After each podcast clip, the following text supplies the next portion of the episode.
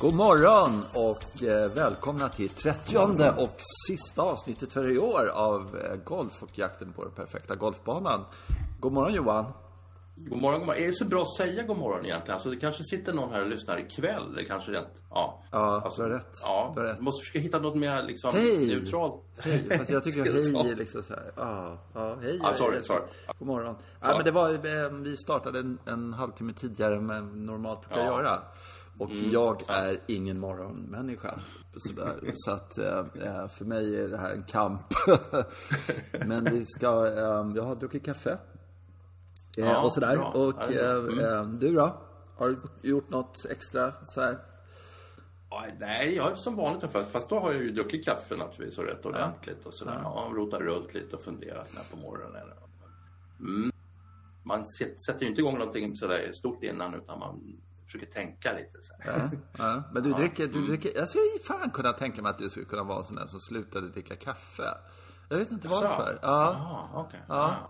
För att du Nej, kom är på att någonting så. Mm, mm. Jag ska fundera över det där. Ja, jag funderar på att sluta äta på morgonen. ja, ja. Jag, jag tror att det är överskattat. Frukosten är dagens viktigaste mål och såna här grejer. Jag tror att man ska vänta till en, tills man är utsvulten. Kanske. Det blir ju lite sådär när de säger att frukosten är dagens viktigaste mål. Då börjar man ju gärna fundera på liksom, att, låta bli det. Man är så. Ja, exakt. Ja. Ja, nej men sådär. Är det inte bättre att äta när man är jättehungrig? Är inte det grejen? Alltså att kroppen säger åt en när, när man ska äta och sådär. Och så. Ja, jag vet Ja, inte. okej. Ja, ja. Ja, just det. Ehm, vi ska prata golf, va? Eller var det inte så? Ehm, Ja, Alltså, Vad måste brukar vi bara prata prata golf, golf, golf? Fan, kan vi inte... Det finns väl andra saker här i världen? ja, ja, det gör det. Okej, men nu är jag lite förberedd på det här. Jaha! Ja, ja, ja. Ja, ja. Jo, ja, okej, okej. Nej, men vi, vi, Ja. vi tänkte vi skulle prata lite eh, eh, hur, vad som påverkar eh, en i en viss riktning inom golf. Alltså, sådär. Varför gör man... Eh, sådär. Varför Ja, vänta, åkte vänta, man vänta, först? vänta. Vänta, vänta, jag hade ju, jag hade ju en historia. Jag, Ja, ja, ja, ja, ja. Ja, Ta jag missade, missade förra, förra, ja, jag är väldigt sorry att det kommer här. Men, men jag- alltså, det var så här att vi, det fanns en linje i mycket som vi sa det förra gången. Alltså, vi, jag snackade om Tommy Bolt som kastade klubbor och sådär. Så skulle Just jag komma det. in på den här historien. Så här. Men, men nu, nu tappar jag linjen lite här. För nu, nu kommer jag tänka på så här, på, det här. Jag har ju inte sett en klubba kastas på jag vet inte, 25-30 år. Eh, men just det här, vad det är som gör att man kastar en klubba, kom jag tänkte på. Som, kastar du klubbor? Eller? Eh, nej, nej, uh, vänta. Oj, så inte så där heller. Om jag skulle kasta någon så, om jag kan, då kastar, tar jag inte tag i, i greppet och, och gör den här zu, zu, zu, Utan då tar jag den mitt på klubban och så kastar jag neråt, rakt neråt så. Liksom, Ja, I backen. det. Ja, alltså. Ja. För då behöver jag inte gå så långt och hämta skiten. eh, För den är så. Utan, och den är precis nedanför mina fötter, eller vid mina fötter. Mm. Så. Och då, då ser jag Eh, annars är det lite så här elegant när voff, voff, voff, som ett rådjur. Alltså, det Nej, det kallas för helikopter. Det är en hel, man gör Ja, en ja, jag helikopter. vet, jag vet, ja, jag vet, ja. jag vet, Men din variant vet jag inte riktigt vad man ska sätta för namn på. Då. Nej, men den är mer, jag tycker att den är bättre. Alltså den är mer, den är mer straffande på något sätt. Mm. Där. Eh, Ja, men jag tycker det är intressant det här med att jag tror att, att, att man kastar en klubba, det måste vara på något sätt, sätt för att markera att man är illa behandlad. Eller hur? Eller, eller att eller att man kanske också, eller för att man visar att man inte är så här dålig egentligen. Liksom. Det här är så exceptionellt det som precis har hänt så att alla ska förstå att så här, det här är inte jag egentligen. På något sätt. Ja, Det är jag. jättedjupt alltså. Varför, om man är så jävla förbannad. Varför, och jag kan inte komma på någon annan liksom, situation när man tar saker och kastar den så långt ifrån sig själv som man bara kan. Sådär liksom. Ja, Ja. tennis. Ja, men nej. Då tar man racket Inte och vi, så, inte vi, men det finns andra som... Nej men, ja, nej, men då tar Ja, de racket och sen så dunkar de den i, i backen. Jag kan fatta Ja. att man tar klubban och knäcker fanskapet. Det tycker jag är ganska logiskt. Men Ja, däremot är kastar den så, så... Ja, men det är ju... Alltså, det är det ju. Men, men Ja, däremot ta ja. skiten och sen så kastar den så långt ifrån sig som man bara kan. För Mm. man eh, springer. Är det inte bättre att bara släppa den och sen bara gå ifrån den? Klubban. Men det där är ju alltså. Tommy Bolt förklarat att man kastar den i den riktning man ändå ska liksom. Ja, ja, ja, visst, absolut. Ja, det är så ju ligger den där jävla när man fånigt passerar. liksom. Ja, att ja, ta det där. Ja, Men det var någon, någon idiot som eh, kastade iväg den upp i träd eh, och hi- aldrig hittade klubban. Det tycker jag Nu, är... och nu, nu, nu, nu får du hålla igen lite för det här, nu, nu börjar komma in på min, min historia. Va? Ja, berätta din historia för- nu då. Ja, ett var jävla för- tjat om din historia. Men, ja, Ja, jo, det, nu kommer den här då. För att oerhört länge sedan så, så vi var ute och spelade, så spelade vi på Ågesta. Kommer upp på åttonde hålet som var en par femma då, inte par fyra som är idag. Och, och åttonde hålets green var ju upphöjd där på slutet. Då. Eh, och så när vi är på väg upp på green där så ser vi att upptäcker vi att i slänten ner till höger där så sitter det två figurer. Liksom. Ehm, två, två personer som sitter och tittar moloket eller modstulet framför sig säger ingenting till varandra utan bara sitter där liksom. Och sen när vi, koll, vi ser att det där är, är bröderna Anglet, Seth och Max Anglet. Och det, är, det är lite kul det här för att Seth, han har lirat inte golf länge tror jag, men Max Anglet han hamnade ju på Europatouren sen. Ja, just det. Ja. Ja, jag träffade honom i Spanien en gång när han var på någon tävling. Och sen eh, ja, så blev han klubbchef på Botkyrka och numera så är han klubbchef på Ågesta Golfklubb. Hos oss helt enkelt. Ja, ja. Ja, så de sitter där och, och, och, och de konstiga vi borde ju ha blivit jättenyfikna på det här men det blev vi inte utan vi spelar våran runda. Men när vi kom in i klubbhuset sen efter Ja. Så, så, så är det någon som berättar hela historien för oss. För, och det visar sig att då, då är det ju, de har varit och spelat och så på ni- åttonde green så har det eh, det är någon som har sluntit eller kastat. Och, jag tror det var en putter faktiskt. Och den har farit iväg och, och den, det står björkar där till höger. Eh, och den har fast, klubban har fastnat upp i en björk helt enkelt.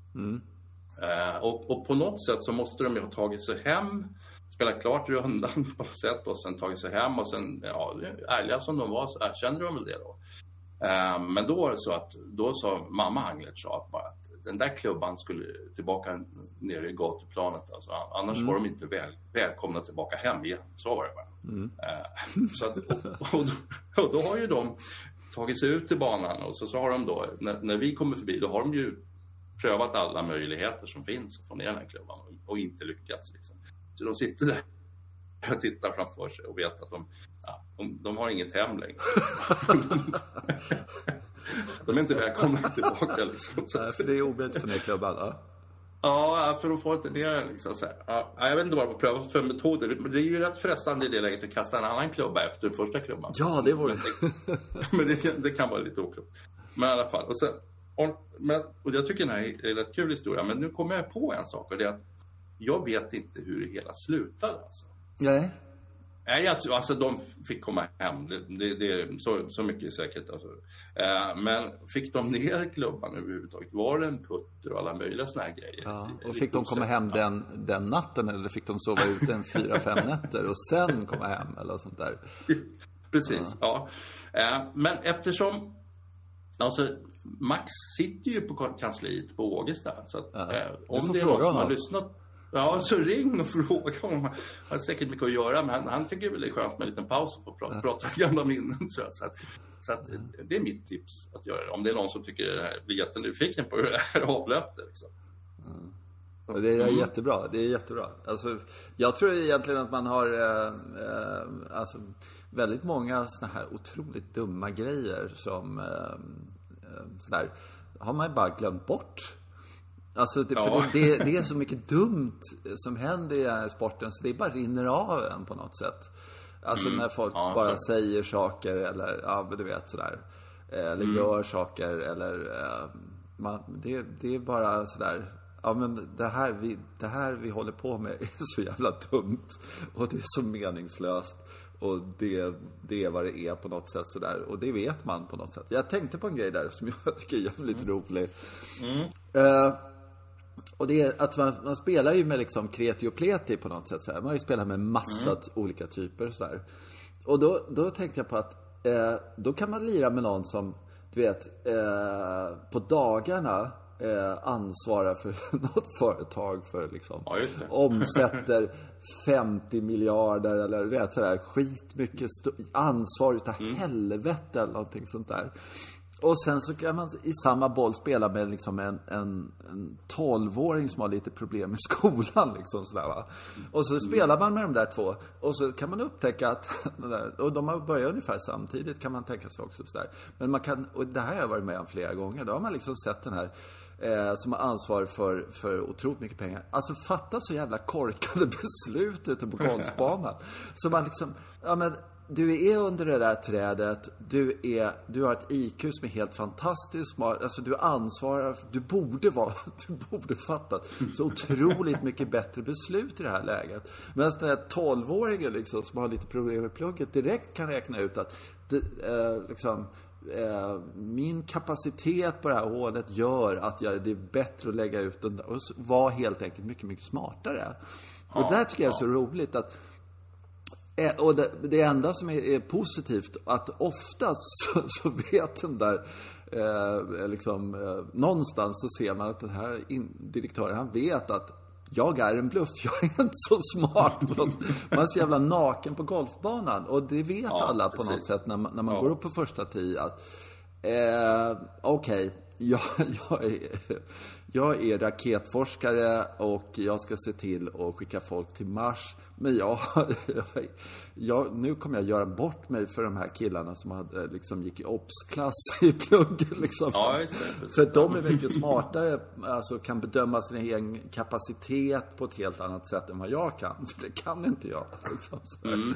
Och det tycker jag är ja, ganska men... fint av, av ja. de här um, um, smarta killarna och avslöja sig själva som fullständiga idioter. Det ja, tycker jag är, ja. För så är det. Alltså, ja, så är det absolut. Ja. Mm, mm.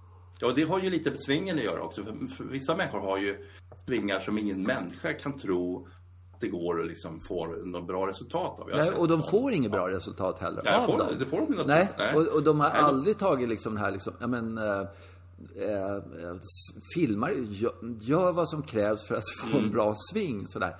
Det skiter mm. de i liksom så här. Nej, men, men det så här, Det finns jätteklara vägar om man är en logiskt tänkande människa.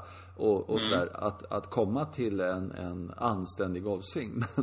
Men, men eh, man har ju sett hur många människor som helst som, som ja, nej, jag Eh, med, vad heter Saltis spelade med, med en kille där som hade något, hade, han var ju visserligen pensionär och sådär, men han, hade, han var något otroligt avancerat eh, tidigare i sin karriär och sådär. Och sen så när han spelade golf så, så tänkte man sådär, den där killen, om han bara satte upp en spegel framför sig och tittade på sin sving så skulle den bli hundra gånger bättre.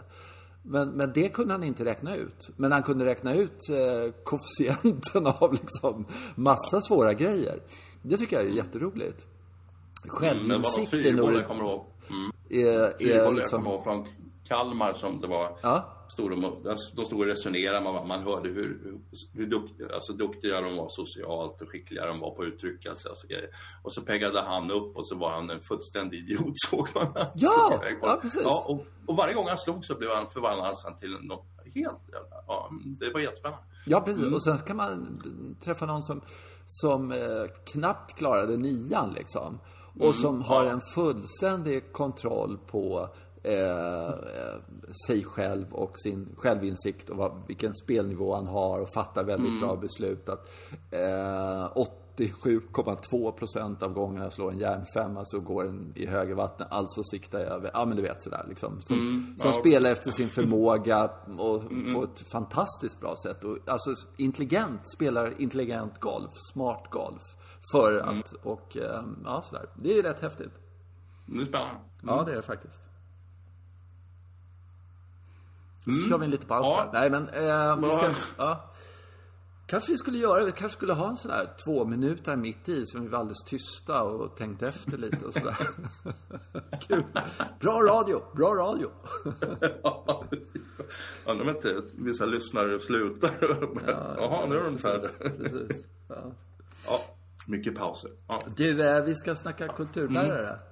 Just liksom. det. Mm. Eller jag vet inte, kulturbärare liksom. Eh, vad är det som gör eh, vad är det för Ja, men hur, man kom, hur, kom man, hur kom vi in i äh, golfens historia, golfens kultur överhuvudtaget? Hur fick vi det här till livs liksom? Mm. Det var mm. egentligen så jag funderade. För, mm. för att, eh, jag hade ju nog aldrig någon idé om... Jag tyckte golf var kul. Man slår på någon boll och ner i något hål och så där.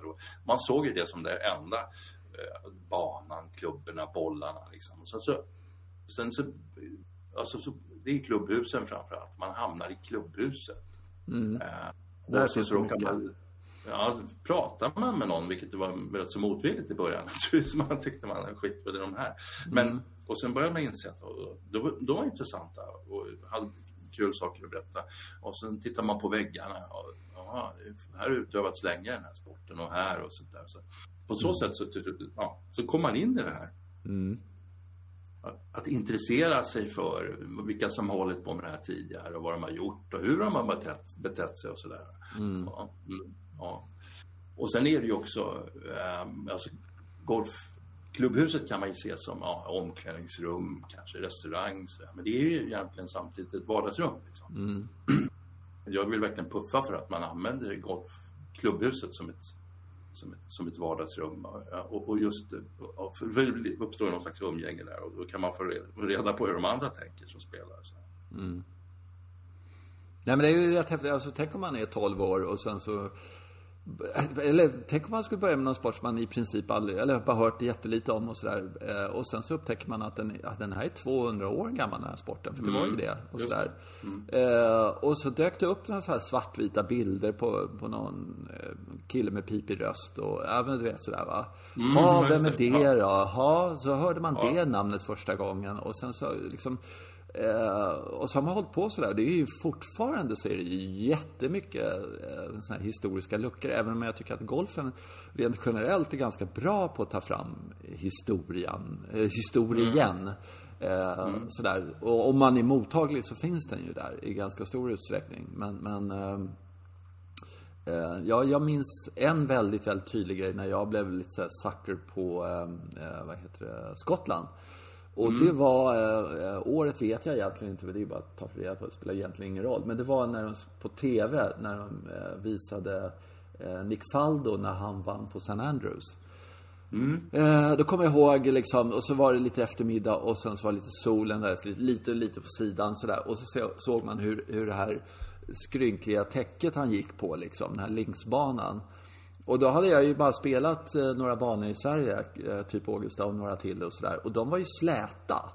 Eh, och, eh, och så fick man se det här. Alltså det var en chock för mig. Alltså positivt. Jag tyckte det såg så otroligt häftigt ut men samtidigt helt omöjligt ut för bollen låg aldrig plant liksom. Eh, men, men det var en sån här eh, uppenbarelse för mig verkligen. Det var definitivt en, någonting som påverkade mig till att jösses vad häftigt, häftigt det är liksom sådär. Det, det måste jag säga. Det var en riktig, riktig sån här som jag minns väldigt tydligt. Och sen så alla golftidningar förstås. Ja, för, alltså, det som är fantastiskt med golftidningar, vilket jag, och det är tragiskt också att de inte finns längre, för det gör de ju inte. Eh, Det är just det här att man, att man ställs inför saker och ting som man inte hade tänkt läsa, liksom, om man tar upp en golftidning.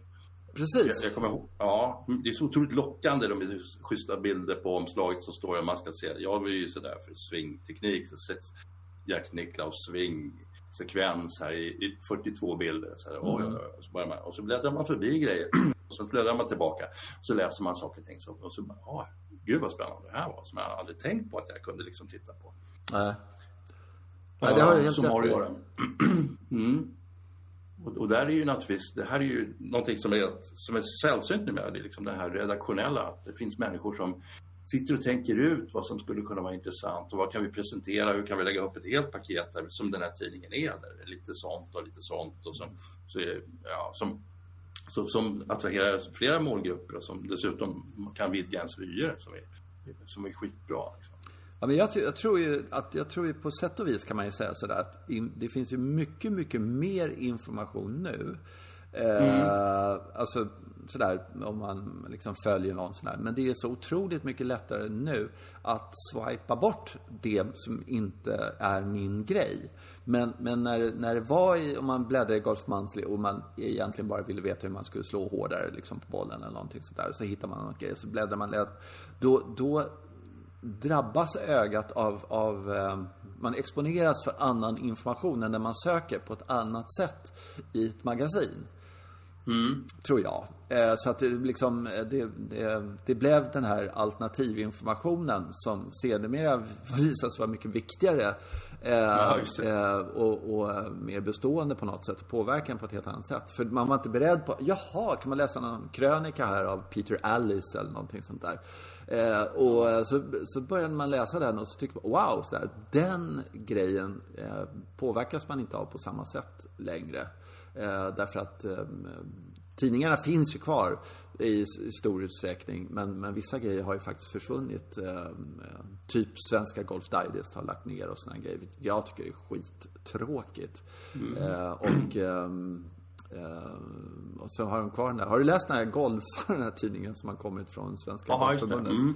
Alltså den är så dålig, den är så dålig så att, alltså det, det, är, det, det, hela det här liksom, man tänker så här, ja men Golfförbundet, de vet ju vad de håller på med. De har väl någon slags självkritik i allt de gör och såna här saker. Eh, men när de gör en sån produkt som är så genuint usel, då kan man ju fundera på hur, hur genuint jävla dåliga är de på allting annat de gör. För att den, den, alltså Ja, de, alltså de har ju då tidigare gjort den här Svensk Golf som, som liksom är vad den är. Och, och eh, ja, jag tycker inte den är något vidare, aldrig varit något vidare bra. Men, men den, den har fyllt sitt syfte på något sätt och sådär. Och den, på nätet tycker jag den är rätt okej och sådär. Men, men eh, eh, och så har de liksom sådär, och så släpper de den ifrån så tänker man att då har de en viss kunskap om hur man producerar liksom så här. Inte. Det har de inte. alltså det där jävla golfa, det är så... Här har vi världens roligaste spel. Världens bästa spel. Det går liksom inte misslyckas och göra en, en... Det finns så många infallsvinklar på, på det. Och det är så vackert och det finns... Jag menar, ta, gör vad som helst liksom, så blir det bra. Nej, då, då berättar vi efter två nummer om en kille som blev eh, var på eh, Skansen och var fullständigt, stoppa in harmen som en krokodil. Ja, nu ska jag lira med en arm. Är det, är det liksom, är den topp 10 när de bara en sån här brainstorming liksom? Vad är det häftigt? Vad ska, vad ska få folk att börja spela golf? Och hur ska vi promota det här spelet? För jag antar att det är det som är grejen då liksom så här. Jo, vi berättar, nej men det. Ja, men han fortsatte att spela fast han höll bara en arm. Ja, jag vet, jag vet. Ja.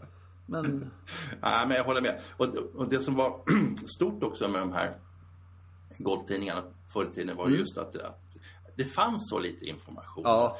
Eh, Man kunde inte scrolla vidare. Alltså, när jag satt och tittade på sekvensen av Jack Nicklaus kanske, men det kunde man inte göra hur länge som helst. Utan ja, okej, motvilligt så läste man då om någonting annat. Så visade det sig att det var superintressant. Alltså. Just, Mm. just det där att man, aha, man nästan tvingas på information. Liksom. ja. Eh, skitkul faktiskt. Och då, alltså jag kom, man, vi hittar, man hittade spelformer, andra sätt att spela golf. Man hittade andra miljöer och som man blev sugen på. Ja. Ja, vi, som, som vi det har rusat iväg och besökt till exempel. Ett fantastiskt ställe som heter North eh, eh, Devon Golf Club som ligger vid en ort som heter Westward, Westward Ho.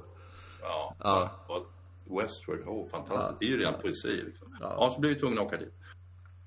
Jag blev ju, äh, läste i Svenska Golf Digest, en, en av de stora kulturbärarna, eller den största kulturbäraren för mig som har påverkat mig mest, tror jag i alla fall, det måste vara Göran Zachrisson.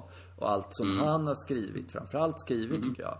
Jag tycker han är en, en, en stilist, alltså det, är- det är ju rätt kul att se hur många som har försökt härma honom lite grann sådär. Ja, men men Ja. eh, han skrev ju en eh, en eh, grej i Svenska Golf Digest då när han eh, vinglade omkring eh, på eh, banor som han inte haft tid med bland annat i tidigare liksom. Då har han alltid åkt till majorbanorna för det är där de stora tävlingarna är och sådär. Och så hade han den här låg, och då var det en bana som hette Southerness.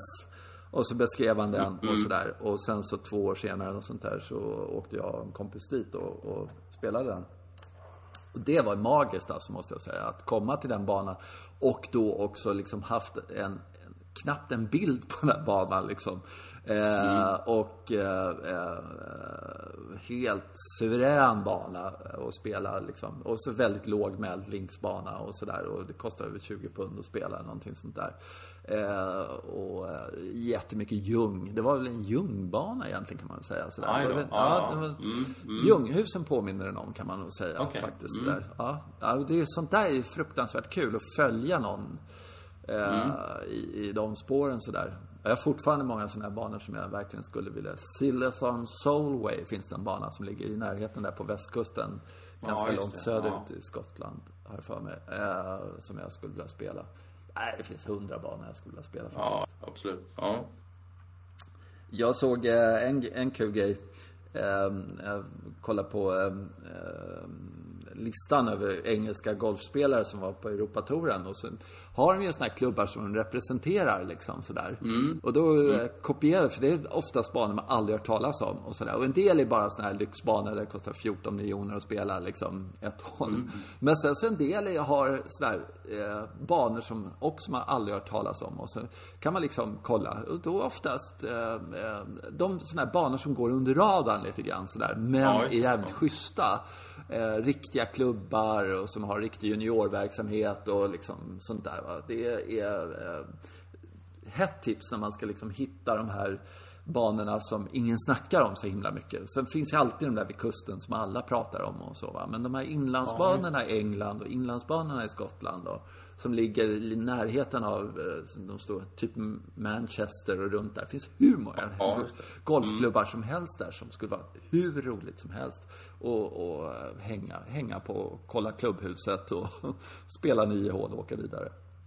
Eller 18. Precis. Ja. Och du menar du att man hittar dem genom att kolla var de stora spelarna liksom har sin hemmabas? Exakt, exakt. Ja, ja. För det är så Ja, himla lätt att, att bara bli, "Åh, den där banan känner jag igen och den där banan känner jag igen. Och så missar man de där fem, sex banorna. Men de ska man liksom kopiera och sen ska man Mm. googla på dem. Och så då kan man hitta små pärlor där som man kan liksom resa i, eh, ja, i tanken i alla fall. Mm, mm. Jag, skulle, jag, tänk, jag tänkte på, eh, nu kommer jag på någonting som inte alls hänger ihop. Jo, det kanske gör. Men i alla fall, klubbhus tänkte jag på. eh, Och, alltså, brittiska klubbhus Ja. är ofta o, oerhört enkla. Det är någon barack de har, de har slängt upp. De är oftast ganska lite folk i en, eh, i en by som har en egen bana och så har de inte så mycket pengar. Men de, ett klubbhus måste man ha, det är jätteviktigt. Och det är otroligt heligt, klubbhuset, så man får inte gå in där klädd hur som helst utan man ska klä om. Och, alltså var det förr i tiden.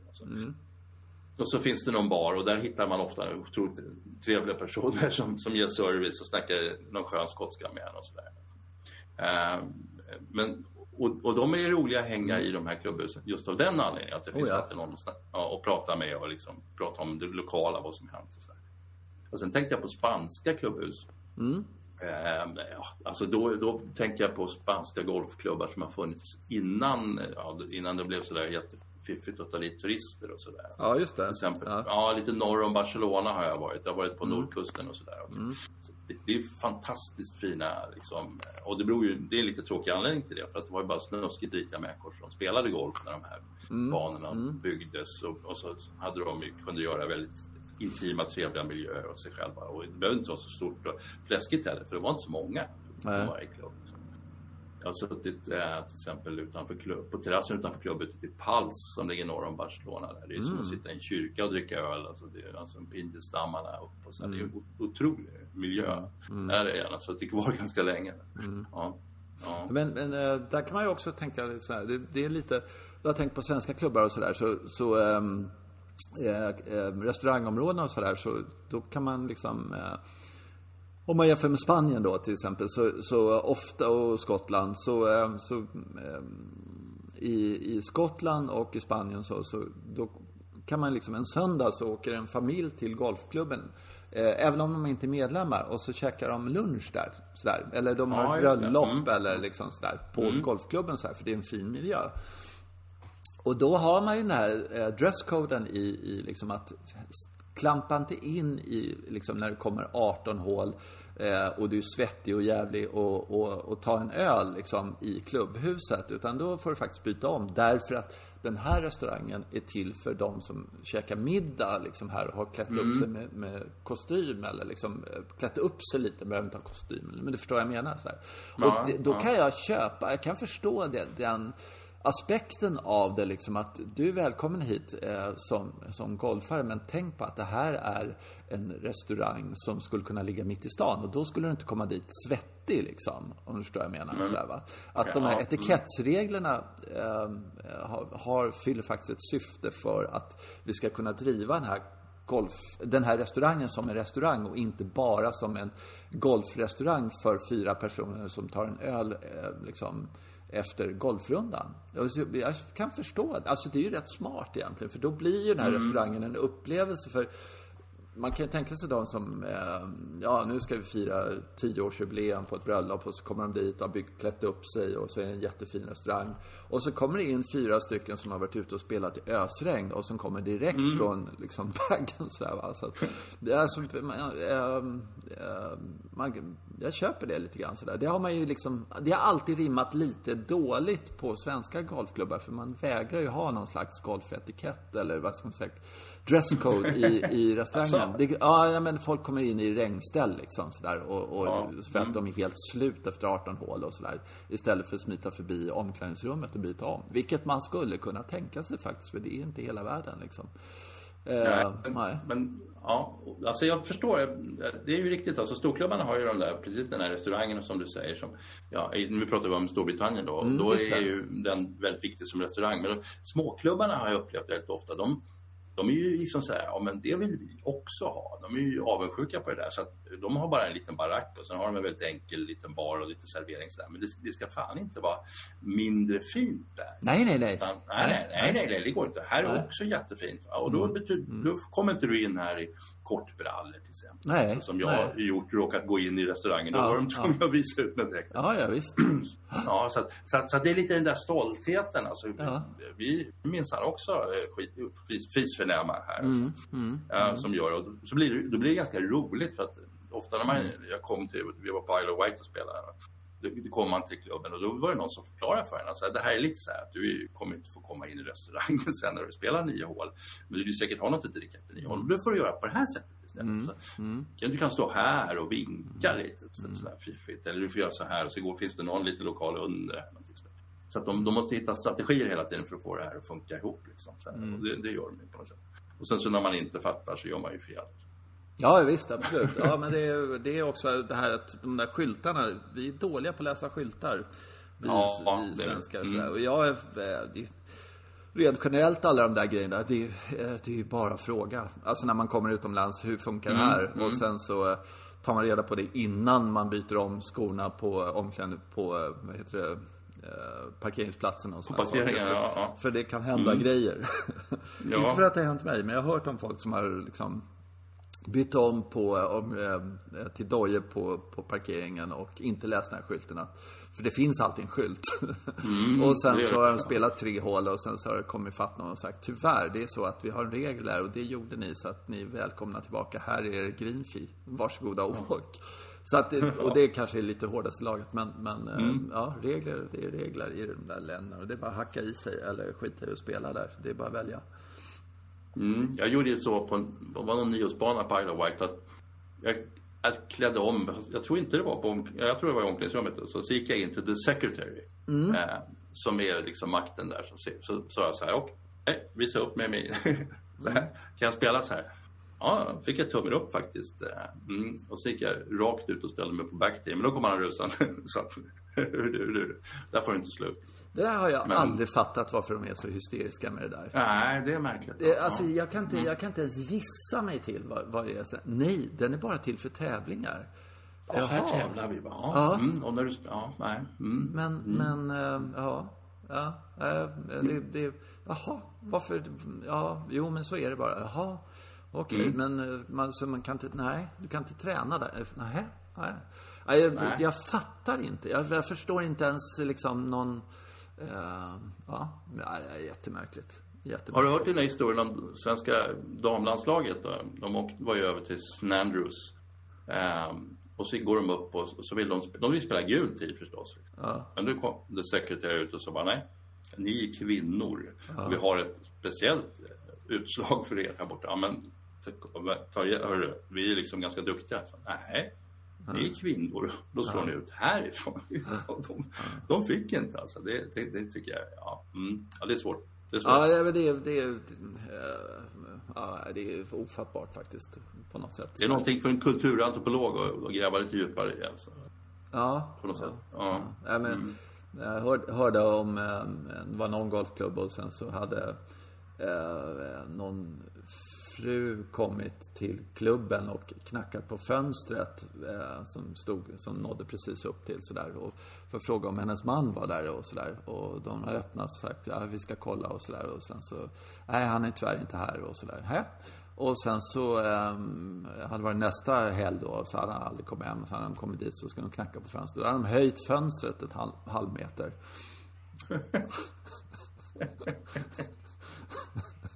Här får inte förekomma liksom. Vi kan inte bli störda mitt i. Det, här måste få stopp på på något sätt. Ja, jag vet inte. Jag vet inte riktigt vad jag tycker om det. Jag tycker den där gubben kanske kunde gå hem någon gång och umgås med sin... liksom, ja, sådär. Men samtidigt Ja. lite kul. Eh, nej, men det där med, med jo, det kan, det, det ett helt sanslöst eh, projekt som, som jag eh, upptäckte här på, på nätet tack vare de, alla de här flödena. Det, här. Eh, det har kommit en, en ny tidning nu. Nu när då Golf Digest la ner Eh, Svenska Golf Digest då, eh, vilket ja, jag tycker det är så tråkigt för att det, orsaken var många, jag tror egentligen att de ångrar sig så här efteråt nu när det blev en sån här golfboom skulle de säkert kunna ha drivit den eh, om de hade drivit den på ett separat. Men det var på samma förlag som Svensk Golf liksom sådär. Och så det var samma killar som gjorde båda tidningarna. Och jag vet inte vad jag tycker om det. Alltså, det, det var ju två bittra fiender lite grann tidigare. Svenska Golf, Golf Digest var liksom den här frifräsaren som kritiserade Golfförbundet som gav ut den där och sådär. Och sen helt plötsligt var de på samma. Och det, man tappade lite stil. Och sen så var det liksom eh, ett tag i alla fall i, i när de gick över dit så, så var det liksom samma skribenter. Sen blev det i, i viss utsträckning när Thomas Hagfeldt tror jag han heter som skrev för, svensk, för Golf Digest då, som skriver skitbra tycker jag. Eh, han fortsatte att skriva för den tiden så han var där och så det var bra. Men någonstans var det något som inte riktigt eh, stämde där. Funkade. Det var ju helt enkelt för dyrt eller någonting. Det var jättetråkigt. Men så la de ner. Och då blev det liksom det här kanske utrymmet kvar med eh, de sådär eh, som, som lite längre reportage eller jag vet inte riktigt vad. Men då, då var det en kille nere i eh, södra delen eh, någonstans. Jag tror det är en stockholmare som har flyttat ner till typ Landskrona eller något sånt där. Som startade en tidning som heter Par. Som jag köpte hem. Mm. Och eh, jag är så jäkla imponerad alltså. Han har gjort allt själv känns som. Det känns som han nästan har tryckt tidningen själv också. Sådär. Han, är, han är jätteduktig fotograf. Eh, habil skribent kan man nog säga. Eh, och eh, eh, ja, liksom klart in, liksom biten golfare och kunnig golfare och liksom sådär. Och eh, han gillar det här. Han har gjort liksom ett reportage om Torekov, han har gjort ett reportage om Viken och en, eh, och en annan bana utanför Varberg som jag aldrig hört talas om. Så man blev faktiskt lite, lite nyfiken av att åka dit och spela. Eh, Jaha, vad men- var det? men- Hette den Varberg Östra eller något sånt? Nej, det kanske... Nej, det var inte det. Det var något annat där. Nej. Men den ligger i närheten där. Eh, Men, men det är ett sånt här hemmaprojekt liksom. Ett gäng. Det var någon arkitekt, men, men det- var liksom bara ett namn som, som dök upp. Vem, jaha, vem är det? Liksom. Det kunde ha varit lite mer om vem den arkitekten var. Något Okej. sånt där. Men, men eh, ett sånt här familjeprojekt liksom. Ja, men, ehm, Eh, Grisuppfödningen, vi får för dåligt betalt för, för grisuppfödning. Jaha, nu är det tomt här. Och det är ju liksom det här boomen på 80-talet. Varberg behöver fler golfbanor. Ja, men då bygger vi en golfbana. Så byggde de 9 hål och sen så ett år senare så hade de 18 hål. Eh, och eh, så fick de kämpa några år och hade väl intäkter från annat sätt. Men sen så Eh, sen kom folk tillbaka och hittade den här golfbanan och blev medlemmar där. Och det rullar på tydligen nu i alla fall. Ganska bra där. Okej, sådär. ja. Och det är ganska häftigt. Eller det är jävligt häftigt egentligen. Sån här privat projekt. Eh, och våga investera så mycket och sådär. Och sen så... Eh, eh, ja men sånt är kul. Sånt är jättekul. Sen kan jag, kan jag tycka då liksom vad, vad det blir om man kör ett sånt här projekt alldeles själv. Eh, det, det blir liksom Eh, vad ska man säga? Det blir liksom lite samma röst hela tiden. Ja, kan man säga. det, det är nog det som är problemet. Ja. Mm. Ja, man skulle gärna se sådär, men... Eh, alltså, Jaha, nu ska jag göra någonting jag aldrig har gjort tidigare. Jag ska göra en tidning här om golf och så gör man den här. Så alltså första numret är ju oerhört imponerande. Eh, sen, sen tror jag också så här, man är så inne i processen att överhuvudtaget få till den här jävla blaskan liksom. Ja. Eh, Ja. Så att man, man, eh, då kanske man kan andas till andra numret lite grann och göra en lite spretigare. Här är egentligen på något sätt samma stuk genom hela eh, magasinet så det blir nästan som en bok. Alltså man ska kunna bryta av lite grann, skulle jag kunna tycka sådär. Eh, och sen är det lite utspridd på några ställen man känner så här: okej, det här kanske inte riktigt behövde eh, fyra sidor. Det här kunde ha rymts på liksom en sida, så här, kanske lite grann. Man kunde ha pressat ihop informationen lite, lite mer, kanske. Men, men alltså ett fantastiskt eh, Sisyfusarbete nästan att, att eh, göra det här. Helt otroligt. Eh, så hatten av för det verkligen, måste jag verkligen säga. Så det ska bli jätte, jättekul att se vad eh, nummer två kan innehålla. Men den, man kan bara, och den finns liksom inte i, i tidningsstället. så Man, enda sättet att få tag i tidningen, är, och det tycker jag är lite häftigt. Det finns en en amerikansk tidning, äh, att eh, man beställer den av honom, tänkte jag säga. Jo, men det finns en, eh, en amerikansk tidning som är liksom lite, ganska mycket inspirationskällan tror jag, till den här. Jag tror den heter Golfers Journal eller någonting sånt där. Men det är ju det där förbannelsen, eller liksom samtidigt imponerande med det här. Men i USA, då har man ju liksom en helt annan budget när man gör en sån här jättesmal tidning. Därför att där finns det eh, kanske 500 000 eh, som är målgruppen för en sån tidning. Medan i, i Sverige kanske det är 5000 eller någonting sånt där. Så de har eh, ja, 20-dubbla budget och kan liksom eh, göra, mm, åka till Nya Zeeland bara för att titta på bolltvättar liksom. typ. Ja men liksom nästan. Ja, men vad, det har vi inte tänkt på. Det måste vi göra. Ja, de är väldigt vackra, de här gamla. De är det, va? Ja, Ja, men de är otroligt fina tycker jag. Ja. Mm. Eh, men det är sådana här, det är såna här det- detaljer på, du vet sådär liksom så. Eh, från Mm. golfbanan och kanske ibland så tycker jag att eh, lite, lite mer själva banan eller sådär, skulle kunna sådär, förstår jag det här hålet när jag ser den här bilden om jag inte har sett den tidigare sådär. Eh, eller förstår jag den här grinen sådär. Nej, jag förstår Mm. inte riktigt hur djup den är och sådär. Man skulle verkligen vilja ha lite sådär, eh, kanske, ja, lite mer eh, ja, Har man sett en golfflagga, har man sett en golfflagga. Det är inte så mycket mer att visa. Kanske. Ja, ändå utom på. Nya Zeeland. Då. Ja. Ja. Måste åka. Då får vi åka och titta på. Nej, Ja, men och, och, någonting som jag blev mer, alltså med åren har blivit mycket, mycket mer intresserad av just är, är alltså hur man, och det där är golftidningarna väldigt bra, hur man lyfter fram hur folk egentligen tänker och upplever det de har gjort själva. Alltså för att man, när man, när man ser man ser ju folk vinna liksom. Man ser folk vinna en tävling och så ser man någon annan vinna en tävling och så någon annan förlorar. Och sen så, eh, så, så har man inte riktigt det här bakgrunden. Några stycken känner man ju till. Henrik Stenson vet man ju har ju haft upp och ner och lång, lång mörk period på sju år och sådana grejer. Men jag, jag tänker speciellt på en, en artikel jag läste om eh, eh, How Payne Stewart got the monkey off his, off his back. Som det heter. Alltså, eh, Det är ju lite svårt att apa på ryggen på något sätt. Men eh, det betyder tydligen på engelska eller på amerikanska att man han hade lite problem att komma igång med karriären. Liksom. Han, han, hade lite svårt att tro på sig själv i början. Liksom. Och det är ju, var ju Go- Golf Monthly tror jag med en, en, en snygg bild på Penn Stewart med en apa på, en riktig levande, livslevande apa på ryggen. Istället för golfklubbarna då, på, på utsidan. Sådär. Men det var, det var himla kul och sen, sen då beskrev han hur han kom ut och blev så otroligt imponerad av alla de här som ännu inte hade lyckats ta sig in på touren och hur skulle han kunna och han, Ja. han, han, han lyckats skaffa sig eh, det här självförtroendet. Va?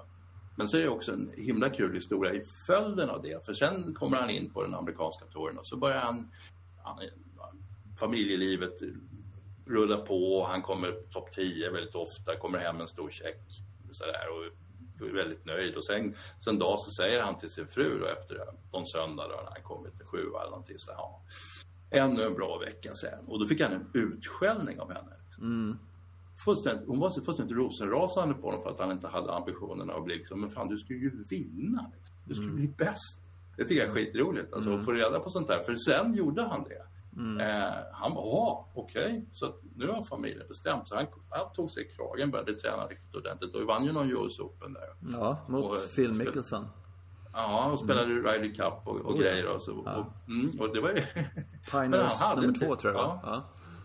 Ja mm, det är rätt kul. Alltså, det, det, där är ju, det, det, där syns ju inte liksom, när man tittar på TV. Så, ja, här kommer Payne Stewart. Han har nog alltid varit så där duktig. Liksom.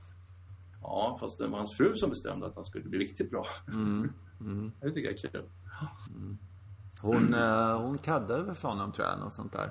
I början av deras karriär. Och eh, ja. sen så, eh, så eh, hon hade ba, fick, de fick barn och så här, så hon, hon, kunde inte vara iväg lika mycket och sådär. Men eh, hon, eh, eller om det var något med ryggen, jag vet fan vad det var. Men, men eh, Mm. Hon, hon, var otroligt engagerad i, i, uh, i, sin karriär, i hans karriär och sådär. Och mm. uh, var, han förlitade sig väldigt mycket på henne. Och så där. Jävligt uh, bra teamwork de två. Mm.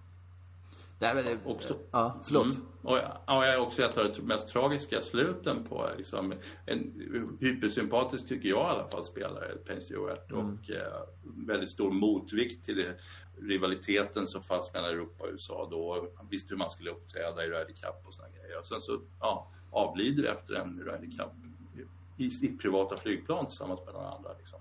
Mm. Ja, riktigt sådär, ja, fy fasen vad tråkigt alltså. Det är det ju alltid när någon avlider, men det där var liksom, det var verkligen en spelare vi hade behövt tycker jag.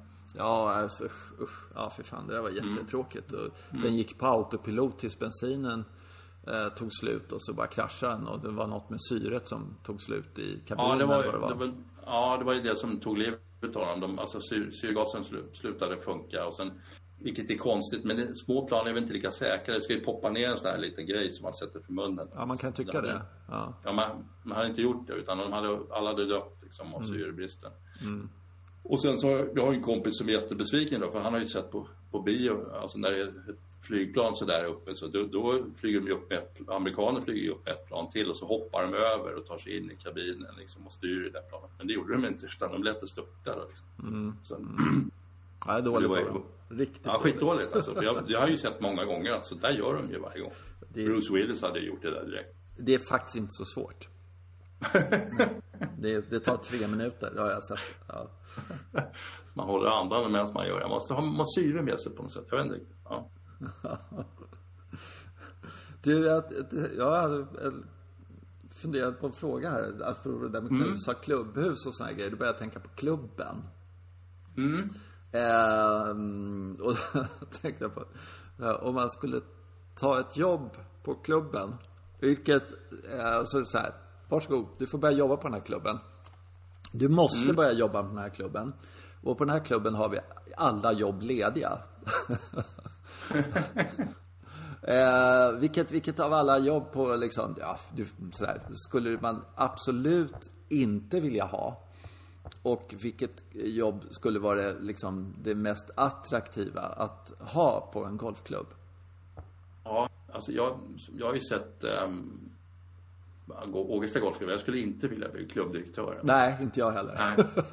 Det gillar ju käka upp, käka upp en direkt alltså. Ja. Uh. Mm. Och sen, sen, sen finns det ju så här, krögare vill man ju inte heller bli. För ja, det, ja, om man skulle vara anställd restaurangchef, ja visst, men, men eh, att ja, jobba som entreprenör, det är hopplöst ekonomiskt. Mm. Uh, mm, pro, nej. Nej, men okej. Okay. Ja, jag, jag, jag, skulle kunna tänka mig att ta hand om rangen lite lätt. Plocka lite bollar. Aha, jag tror du skulle gilla att vara ute och sköta golfbanan eller något sånt där. Vi säger att du är kvalificerad till allting liksom sådär. Så att du kan alla okay, jobb ja. sådär va. Som, ja. Alla jobb du mm. Sådär, men, men så utifrån. Jag kom på en grej i alla fall. Eh, mm. Vad jag absolut inte skulle vilja jobba med. Och det är då klubbdirektör. Mm. Men det har egentligen samma sak där. Men, men spaningen är nämligen här. Jag skulle aldrig vilja jobba med ett jobb där jag på hemsidan har en e-mailadress. Och Så att medlemmarna eh, kan kontakta mig och att det överhuvudtaget någonstans står Alltså att jag är en person på klubben som folk eh, Det här är Jens som jobbar på eh, liksom, och det här är hans e-mailadress som gud förbjude att det fanns ett telefonnummer till mig och sånt där. jag kan inte, alltså jag, jag har tänkt på det så att de, de här människorna som är, och min poäng egentligen det är det här att de här människorna som eh, är klubbdirektörer eller liksom sådär. Alltså, jag förstår inte hur de står ut. För att eh, det är tusen, två tusen liksom sådär. Och det har hänt att jag har skrivit någon mail någon gång sådär. Det har jag gjort. Och då, sen slog det mig häromdagen att eh, om jag har gjort det en gång om året, då kan jag ge mig fan på att alla andra idioter har gjort det också. Mm. Eh, och det måste, alltså de här mejlen och de här telefonsamtalen och du vet när de stannar och säger Du, hastigheten på femman. Vad har hänt där? Liksom sådär. Och, så, och det är en jätteengagerad medlem. Och så står han där och sen så snurrar huvudet på honom så här. Jag, och jag liksom startar fram en pistol. Ja, men femman ligger lite Antingen skjut, Antingen skjuter jag dig eller så skjuter jag mig själv. Liksom så här. Jag skulle, alltså jag skulle klara jag tror jag skulle klara en dag som någon sån där mm. sådär. Alltså de, jag bara tänker hatten av för de här människorna. Och, så, och jag har sett den här stackars klubbdirektören vi har och sen så var det någon, någon idiot som har sagt Alltså du, slopen alltså det är Och sen så ska han dra samma harang och sådär. Och jag, till min stora förskräckelse har jag också stannat honom någon gång när jag har varit liksom, eller du vet såhär, du, typ, jag bara undrar. Alltså, och jag, jag tänker så här, mm. fan, och, men å andra sidan kan man ju tänka sig sådär, om ingen skulle göra det när de går genom klubbhuset, här, liksom bara tittar bort lite, tittar ner i marken. Där. Ja. det kanske inte heller är liksom det optimala. Men, nu kommer han, nu kommer han! Men liksom sådär, du vet, man ska precis iväg för att hämta ungen på dagen. Ja, ja men du vet någonting ja. sådär. Så, ja, ja, ja. Alltså du, du, de här rangebollarna, när ska vi byta mm. ut dem har ni tänkt sådär? För att det sa ju faktiskt, alltså, det där. Eh, mm. Jag fattar inte. Jag, jag måste, alltså tänk, tänk på det där. Så de, de har en, en eh, sådär. Så att jag skulle kunna tänka mig att köra någon sån här klippmaskin eller liksom vara ute på banan eller sånt där. Det skulle jag tycka var ett ganska eh, skönt jobb, tror jag. Jag hjälpte ja, till, rätt, ja. jag hjälpte till i höstas där. Ja, och då, eh, då hade de eh, mejlat ut och så liksom, de hade skrivit jävligt bra för då hade de så här, Tack alla ni fyra som hjälpte till och, och eh, när vi kallade er 2000 medlemmar och dök upp fyra stycken. Det var jättesnällt av er fyra. Så där tänkte jag, nej nu jävlar, nu måste jag, det här, nu skäms jag liksom. Så, där. så att nästa gång så var vi kanske 12 stycken. Som ja, gick ut med mm. sån här sand och slängde i torven du vet sådär. Eller mm. där mm. Eh, och så gick jag där med min hink och sand och, eh, och så blev det, det var väl september, oktober. Det blev mörkt ganska snabbt sådär. Men vi hade belysning på bilarna sådär så man kunde se det. Och så gick man där en timme eller två och slängde sand i de där, stampade till och sådär. Mm. Eh, det blev nästan lite filosofiskt faktiskt att gå där. Det tyckte jag var ganska trevligt. Så det kan jag tänka mig ja, men, ja, men det är det ju. Alltså man är mm. utomhus och sen är det ett ganska skönt arbete, viktigt samtidigt. Man behöver inte tänka så himla mycket. Utan Nej. man gör det ja, lite automatiskt sådär. Ja. Snacka med någon annan. Ja, visst är ja. det. Så kan det vara. Mm. Så rullar på och sådär. Och, mm. och, ja. och då kan man säga, du, 50 grin där borta, skulle man inte kunna? Ja, ja men greenkeepern har ju den, alltså, du pratar om att vara banarbetare. Greenkeepern har, är ju ganska utsatt men gömmer sig ändå ganska bra för att greenkeepern är ute på sådana udda tider. Liksom. Mm. Klubbdirektören är ju den som får alla de här synpunkterna. Ja, och greenkeepern kan ju alltid, för han sitter alltid i någon vagn eller något, eller någon motordrivet. Så han kan ja, bara ja. nicka på någon och sen så när någon säger du ska säga du jag då kan han peka, jag har lite bråttom bort. Ja, ja, ja, okej, okay, mm. sådär. Ja, Vi tar det sen. Mm. och så kan han köra vidare. Nej, jag skulle aldrig vilja mm. vara äh, banchef, för det tror jag också. Jag skulle... Jag skulle nog klara åtta dagar tror jag på det. Mm. Alltså jag skulle vara så jävla stressad över mm. liksom... Äh, ja, fan vi skulle ha gett en eh, dressing förra veckan och inte nu och liksom allt det där. Och liksom hela den här eh, ja. Och sen så när ni är precis bra, och hela tiden se svagheterna och allting sånt där. Ja, det, precis. Ja. Och sen så skulle man ju också, gud förbjud, tänk om man skulle ha, vara greenkeeper och så skulle man ha en e-mailadress på hemsidan och så skulle få, så märker man liksom när, när, när, fan nu klippte de fel och sen så sitter man hemma så pling, pling, pling, pling, pling, pling, pling, pling. Det är också ett sånt där, alltså nej, inget bra. Nej, det här, jag måste skriva, skriva om det här. Så att eh, jag kan förstå om de liksom bara har någon sån här info at golfklubben.se liksom. Som, Så är det någon stackare som får sålla dem där och så kan lite fint säga så här, du, eh, vi har fått lite synpunkter på trean här. Så här, ja, jag vet. Så, ja, ja, ja. Ja. Mm. Eh, eh, eh, eh, eh, eh. Det börjar bli ehm, ja, dags att önska en god jul och kanske gratulera oss själva till en, eh, faktiskt, det är ju första säsong får man väl säga då på något Ja, sätt. det är det ju. Det är det faktiskt. mm, Ja. Mm. 30 avsnitt eh, 2020. Mm, eh, så ett litet uppehåll eh, över eh, jul och nyår. Mm, Eh, och tacka alla lyssnare.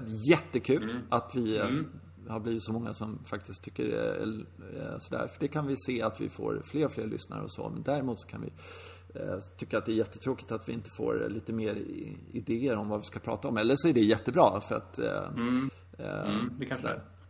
Men, eh, och folk kanske lyssna mest för att de blir förbannade liksom. Men, eh, det kunde ju vara spännande att veta. Ja, precis. Så vi har ju då på Instagram så kan man söka på eh, golfbanan. Så kan man gilla oss om man vill och så kan man bara eh, gå in där så kan man trycka på en pil så kan man eh, dema direkt eh, mail eller vad det nu betyder. Jag vet faktiskt inte vad det betyder. Men, men eh, eh, och så prata mer om eller prata mindre om. Så där. Det skulle uppskattas. Eh, det, det jag funderar på sådär, som jag undrar eh, om det är intressant eller något sånt där, eller folk skiter i det. Men eh, det är man skulle kunna ta de länder vi har varit i ofta då. Sådär. Vi har pratat en del om England och en del om eh, lite sådär Irland, men, men, ja, sådär. men man skulle, vi har ju varit en del i Spanien, vi har varit en del i Italien och sådär. Och lite, lite runt. Eh, och spelat lite andra saker. Man skulle kunna ta avsnitt om vad man tyckte om Marocko eller vad man tyckte om liksom sådär. Eh, kanske. Jag vet, jag vet inte om det är intressant. Du får prata om Marocko i så fall, för jag har inte varit där. Men eh, ja, vi har ju haft en liten utflykt till Berlin. Det var ju intressant. Berlin har vi varit tillsammans, ja. Precis. Mm, mm, Frågan är om det är något sådär. mm, Ja. Mm. Wannsee golf, golfplats. Ja, Wannsee ja, jag tänker mycket på golfplats. den ibland. Ja, Jag tänker på den också. Jag tänker Ja, på den också. Eh, jävligt tjusiga bilar på parkeringen. Det, det är mitt bestående minne. Ja, ganska trevligt klubbhus också. Det, Ja, det var jättefint den stan. sådär. Ja, ja, Ja. Mm, verkligen. Eh, Mm, exklusivt eh, klientel som har möjlighet att bygga upp det kring sig själva. Naturligtvis. Det var ju det, är den gamla klubben i Berlin. Ja, Mm. Men inte ja. speciellt dyrt att spela, som jag minns det. Mm, Och eh, också så här, eh, ja, riktigt, eh, ja, kul att gå där. Det var ju riktigt historiskt. Det var ju västsidan som var hela vägen ner dit, liksom. På den tiden. För det är ju en gammal klubb. Mm. Så att, eh, eh, vad ska jag säga? Mm, Västtyskland dit på av. Berlin. Ja.